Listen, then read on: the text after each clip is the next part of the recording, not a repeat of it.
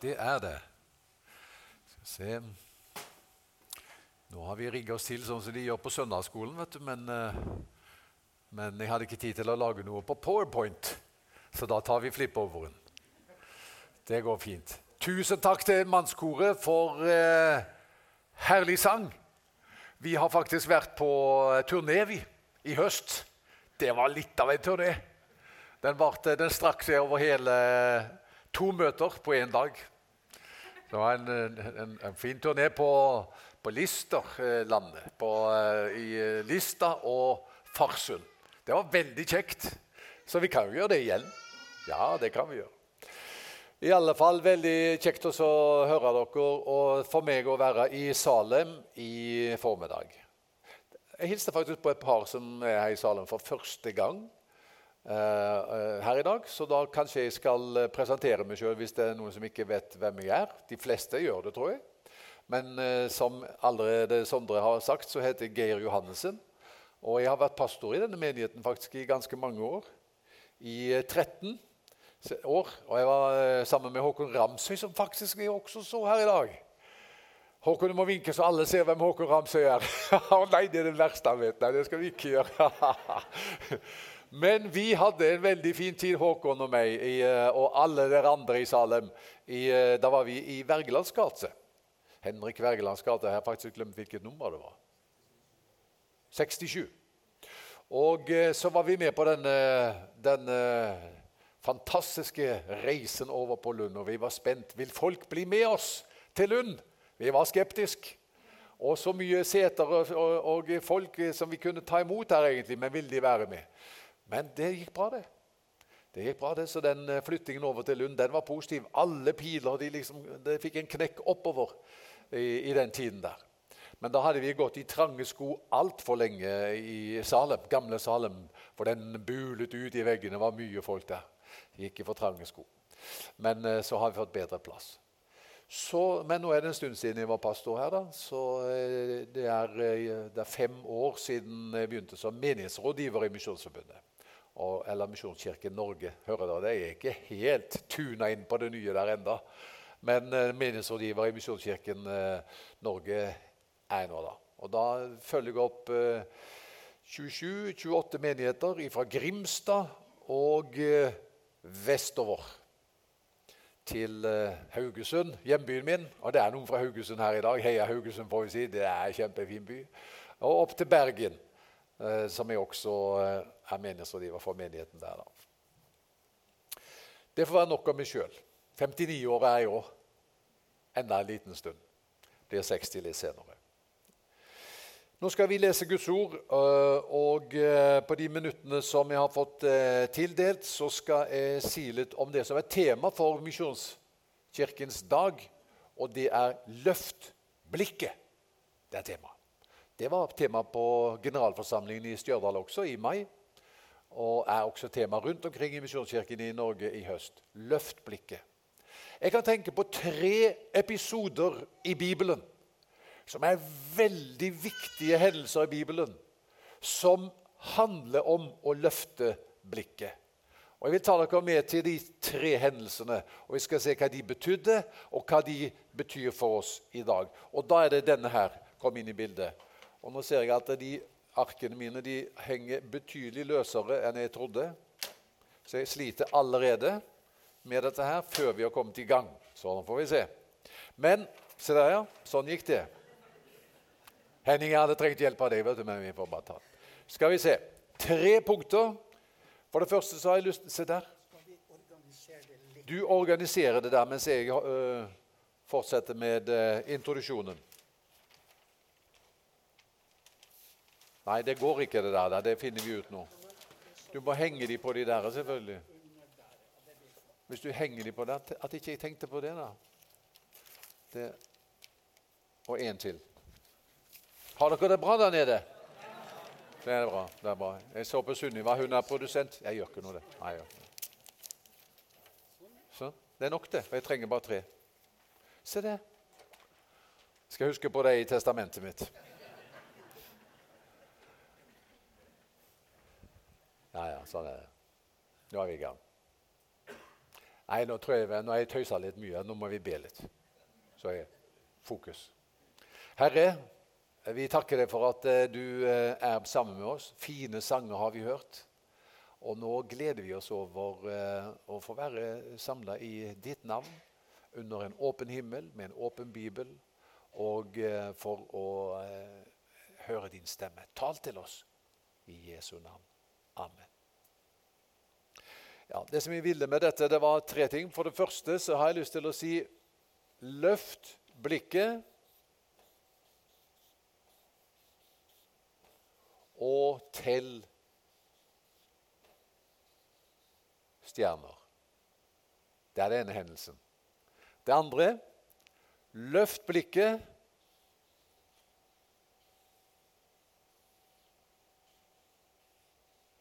Og se på den korsfestede. Og det tredje løft blikket.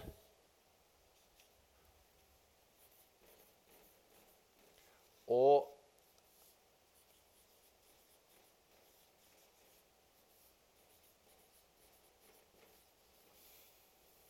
se på markene.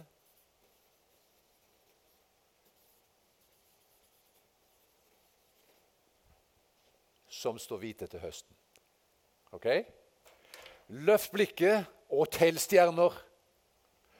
Løft blikket og se på den korsfestede. Løft blikket og se på markene som står hvite mot høst. Tre hendelser i Bibelen, tre avsnitt. Det første løft blikket og tell stjerner.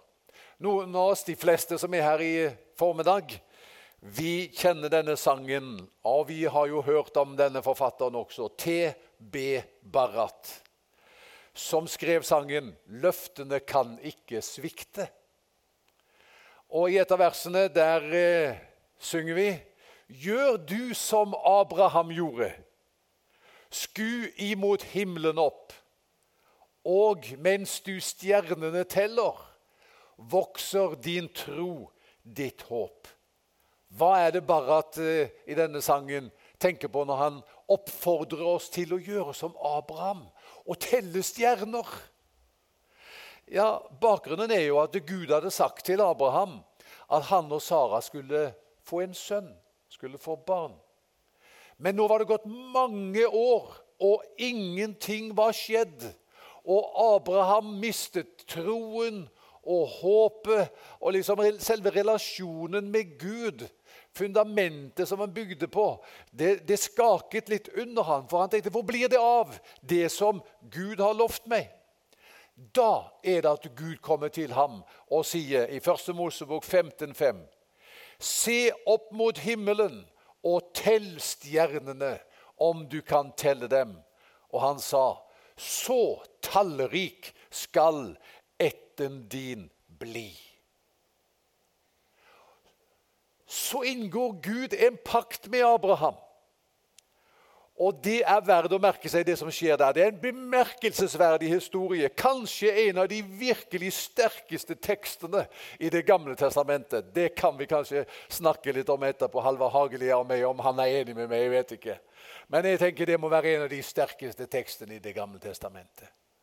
Der Gud sier til, eh, til, eh, til Abraham.: Hent meg en treårs kvige en treårs geit og en treårs vær, en turteldue og en dueunge. Abraham hentet alt dette til ham, skar dyrene i to og la delene rett overfor hverandre. Det står i vers 12, 1. Mosebok 15. Solen gikk ned, og det ble mørkt. Og se, en rykende ovn kom til syne, og en flammende fakkel for mellom kjøttstykkene. Den dagen sluttet Herren en pakt med Abraham og sa:" Din ett gir jeg dette landet. Så Gud gir Abraham et løfte, sier 'tell stjerner', så tallrik skal etten din bli. Og for liksom å understreke at dette kan du stole på, at det, sånn skal det bli, så inngår han en pakt med Abraham. Og Pakten handler altså om det at han tar disse dyrene, skjærer dem i to og legger dem på hver side.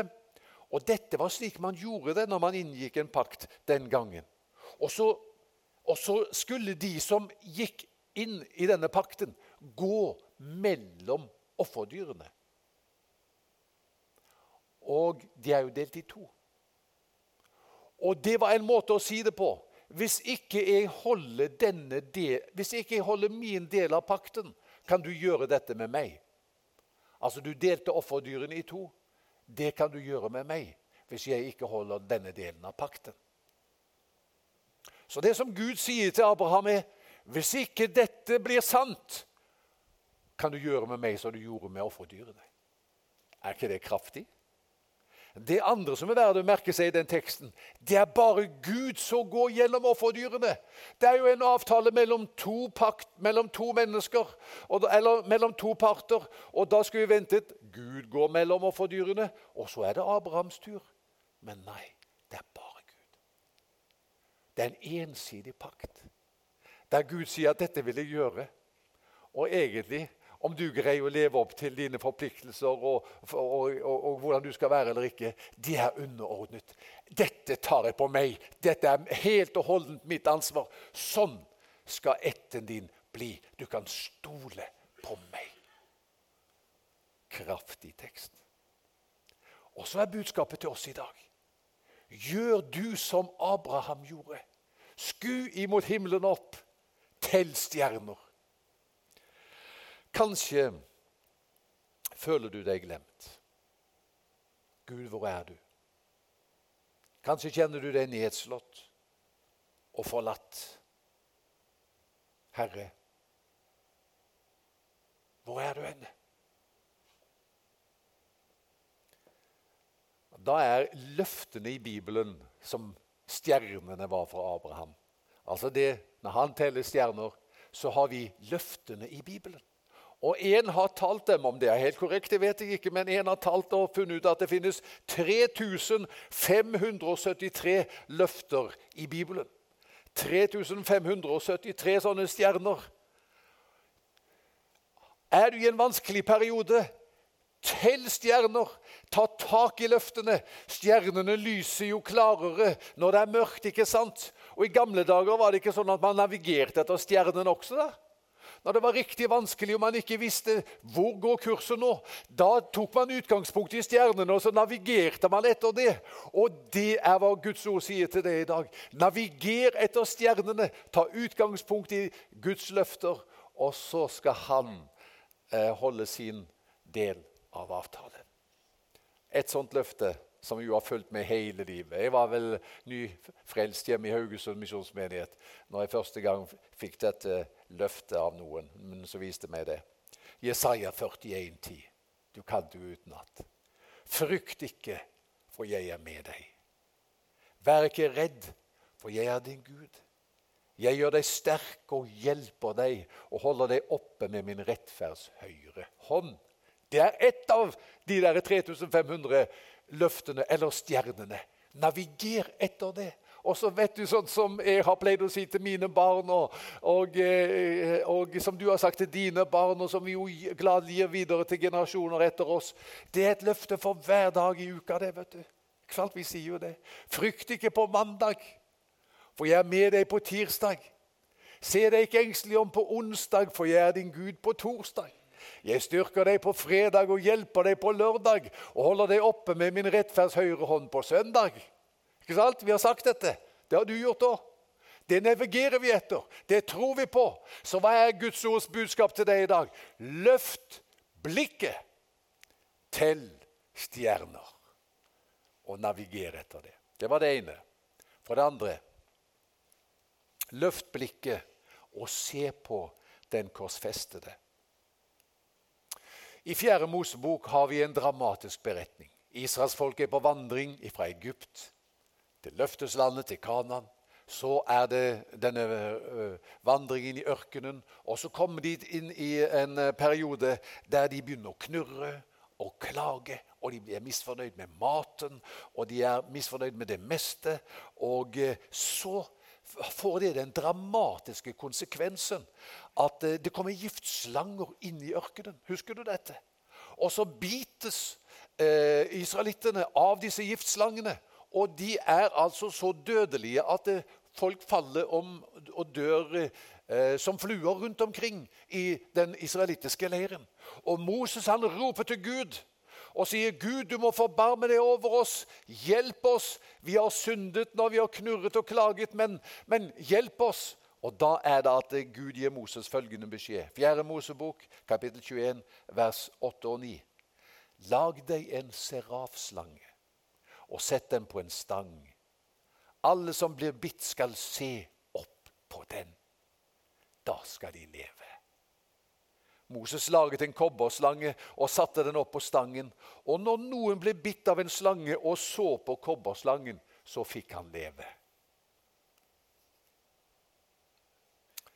Så var det noen som var bitt, så var det antagelig nærmest en ryggmargsrefleks eller en sånn umiddelbar respons hos dem at de ble opptatt av bittet. Jeg kan godt huske det.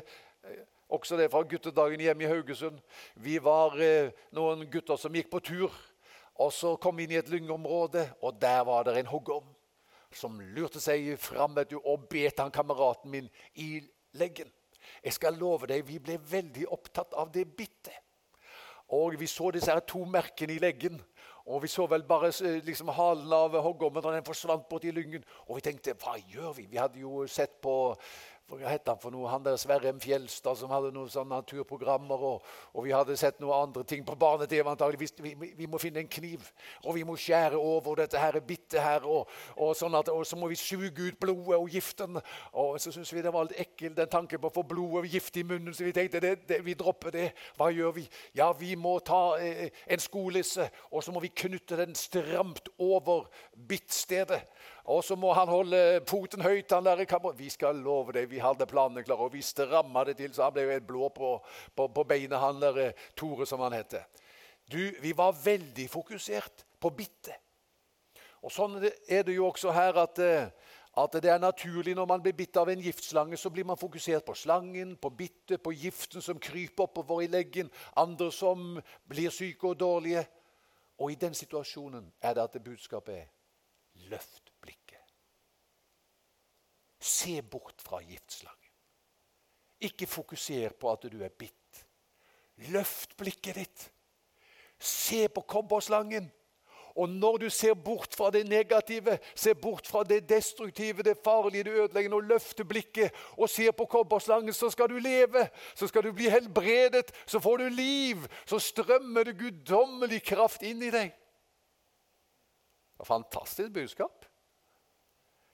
Kanskje det konkurrerer om det å være den sterkeste teksten i Det gamle testamentet når alt kommer til alt. Jeg vet ikke.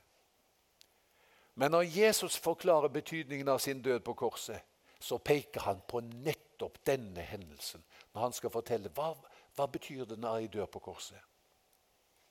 Så sier han i Johannes 3, vers 14 og 15. Og slik Moses løftet opp slangen i ørkenen, slik må menneskesønnen bli løftet opp, for at hver den som tror på ham, skal ha evig liv. Ser du det? Når et menneske løfter blikket bort fra seg selv, det som er negativt, fall, nederlag og synd, og løfter blikket og ser på korset og ser på han som dør på korset, så får du liv. Hva er det som har bitt deg? Er det en overveldende opplevelse av skyld. Det er ikke så ofte man møter mennesker som er veldig plaget av skyldfølelse, men de finnes.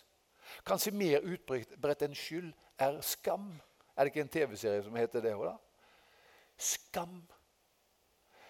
Liksom, Skyld, da har du gjort noe galt. Skam, da er det noe galt med deg, liksom. Og det er nesten enda verre. Det er ikke bare du har gjort noe galt, men du er liksom i hele ditt vesen noe annerledes. Og så er du her som kanskje opplever dette er det som har bitt meg. Og da har jeg bare lyst til å si Romerbrevet 5,20 sier hvor synden er stor, er nåden enda større. Og En dame som ringte til meg en gang en sen kveld, og så hadde hun gjort noe som var så forferdelig trist. Og hun, hun sa 'Jeg er så utrolig lei meg. Min synd er så stor.' Ja, Men hun leverte jo den neste setningen til meg på gullfat. For når hun sa 'min synd er så stor', vet du hva jeg sa til henne da? Ja, men har du aldri lest hvor synden er stor? Og så fikk ikke jeg sagt mer. For da kom hun tilbake med full kraft, sånn at de måtte nesten ta telefonrøret. Det var i de dager man hadde telefonrør. Så jeg måtte nesten ta telefonrøret, for da var det som hun ropte ut Der er nåden enda større. Ikke sant? Løft blikket. Hva ser du når du ser på den korsfestede? Jeg elsker den sangen. Jeg vet ikke om dere synger den sangen. It is well with my soul. Synger dere den sangen? Er, den vil jeg anbefale dere øve. Den er på engelsk, riktignok. Men den er så fin! Og jeg elsker den sangen der. It is well with my soul. Kan dere den? Ja, Og der er det jo sånn at der heter det i et vers. Ta det på engelsk først, så får du på norsk etterpå. My sin, oh the bliss of this glorious thought. My sin, not in part, but the whole is nailed to the cross, and I bear it no more. Praise the Lord, praise the Lord, oh my soul. Og så synger han It is well with my soul. It is well, it is well with my soul. Altså, Hva er det han synger på engelsk? Han sier når det gjelder synden min Å, for en herlig tanke! Ikke bare deler av den, men All min synd ble naglet til korset, og jeg trenger ikke bære den lenger. Pris skje Gud, pris skje Gud, pris skje Gud. Er det noe annet som du er bitt av? Er det en annen slange som har bitt deg? Kan det være skuffelse, depresjon, bitterhet, tristhet? Det kan være så mye man blir bitt av. Det kan godt hende jeg snakker til noen i dag som kjenner er jeg nede i en bølgedal. Da har jeg lyst til å si til deg løft blikket. Se på den korsfestede. Vet du hva det står om han? Han ble såret for våre overtredelser. Knust for våre misgjerninger. Straffen lå på ham. Vi fikk fred. Ved hans sår ble vi helbredet. Husker dere den historien om hun, eh, hun amerikanske jenta? J-O-N-I. Joni, eller Johnny, jeg vet ikke hvordan det uttales. Husker dere det? Ja, Hun som stupte i 30 cm vann og brakk nakken og ble lam for halsen og ned. Joni. Når hun ligger på, på operasjonsbordet på sykehuset, så er hun så deprimert og de kan ikke gjøre noe for henne. Du kan være lam resten av livet. Så sitter venninnen ved siden av henne, og så sier venninnen til henne Joni, Jesus vet hvordan du har det. Å, sa hun. Ja. ja, for han har også vært lam. Nei, sa hun. Ligger, ser du det på deg? Hun ligger der under det teppet der, helt, kan bare røre på hodet. Riste på hodet. Nei, han har ikke vært lam. Jo, Jesus har vært lam da han døde på korset. Og hvor han ønsket å kunne flytte på den høyre armen eller den venstre armen eller på beina.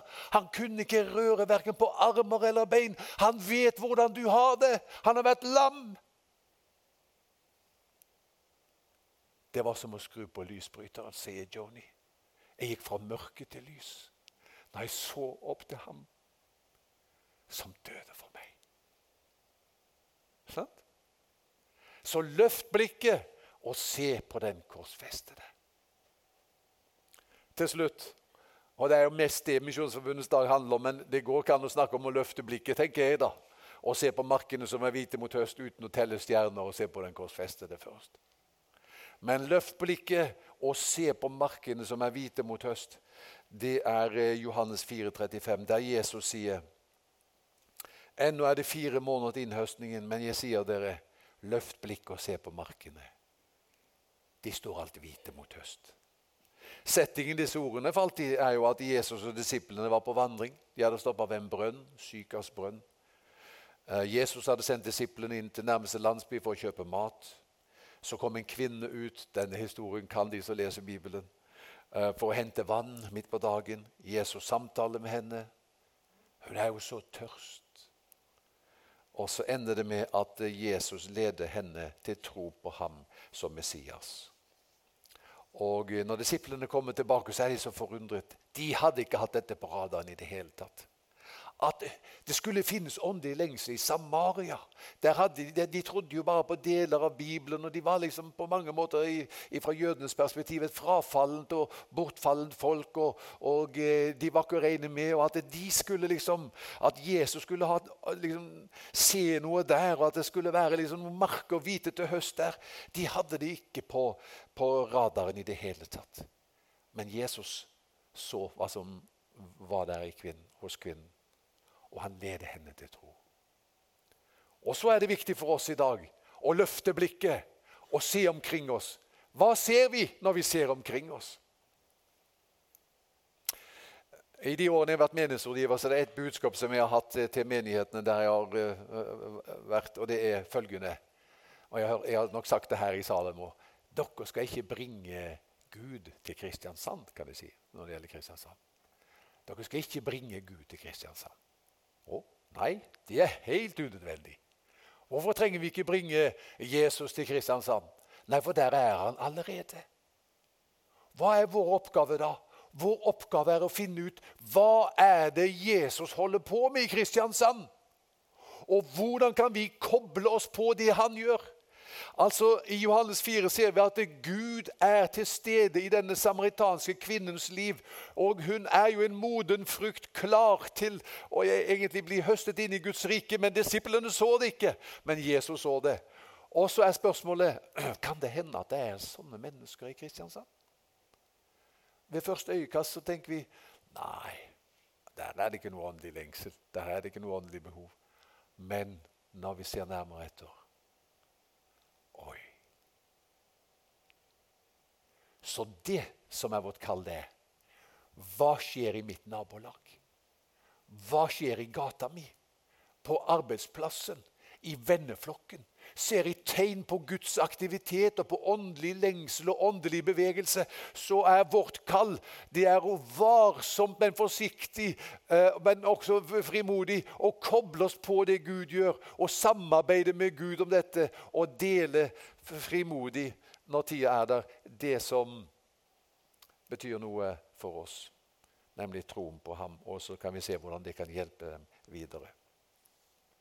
Hvordan man kan samarbeide med Gud. Jeg, det er mange eksempler. Jeg kom plutselig på ett, og jeg avslutter med det. Jeg går inn for landing nå.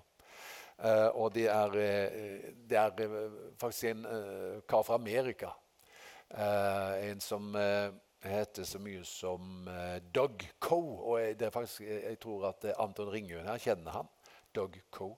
Han arrangerer noen bønnefrokoster i, over there, og, og de, statsledere som kommer fra mange land er med på disse presidential luncheon eller breakfast, eller hva det heter. I alle fall så hadde han skulle du høre, veldig interessant, så hadde han vunnet en kar for Gud som heter Bob. Og så hadde han tenkt jeg må lære han Bob å be. Og så hadde han han en avtale med Bob der han sa at nå skal du be for en bestemt ting um, et halvt år. Hver dag. Og hvis ikke det skjer noe i løpet av det halve året, skal du få 500 dollar av meg. Det er jo ganske mye penger, det. 500 dollar. Men hvis det skjer noe, så må du gi meg 500 dollar.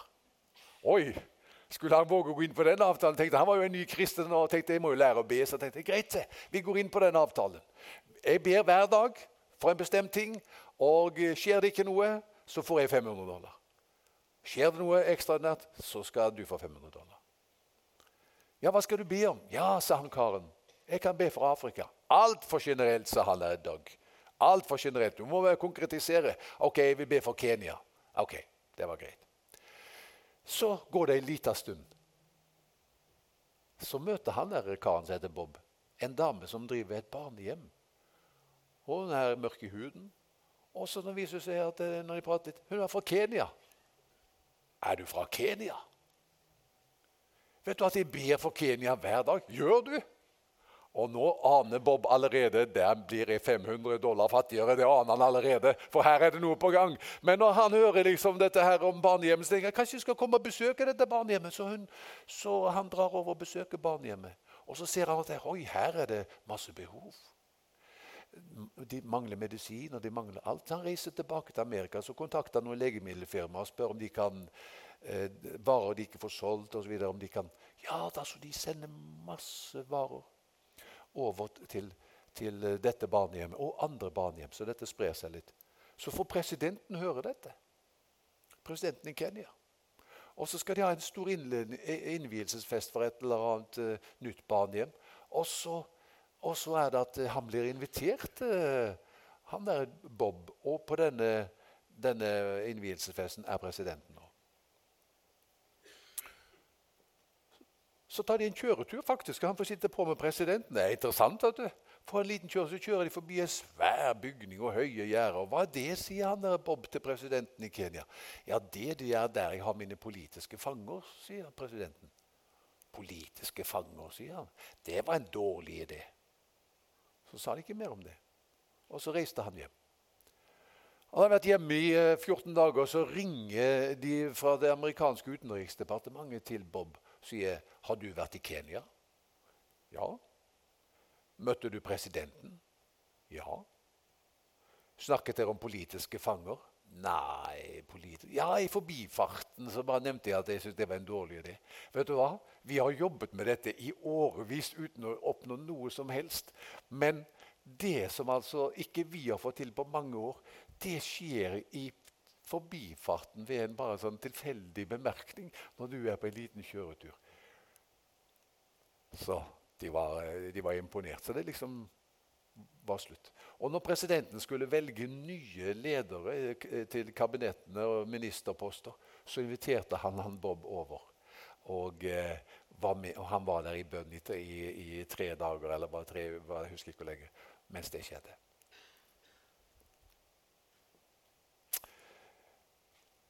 Hva som kan skje når man samarbeider med Gud. Løft blikket. Tell stjerner. Se på den korsfestede. Og se nabolaget ditt. Markene er hvite til høst. Vi takker deg, Herre, for at du har grepet inn i våre liv. Og vi takker deg for at du, du, du, kjenner oss, og du vet at vi har så lett for å bli nærsynte og, og eh, bare bli opptatt med våre egne ting. Og så er, ikke livet der, men livet er når vi løfter blikket. Takk at vi får lov å gjøre det når vi kommer på møte, og vi priser deg. I Jesu navn. Amen.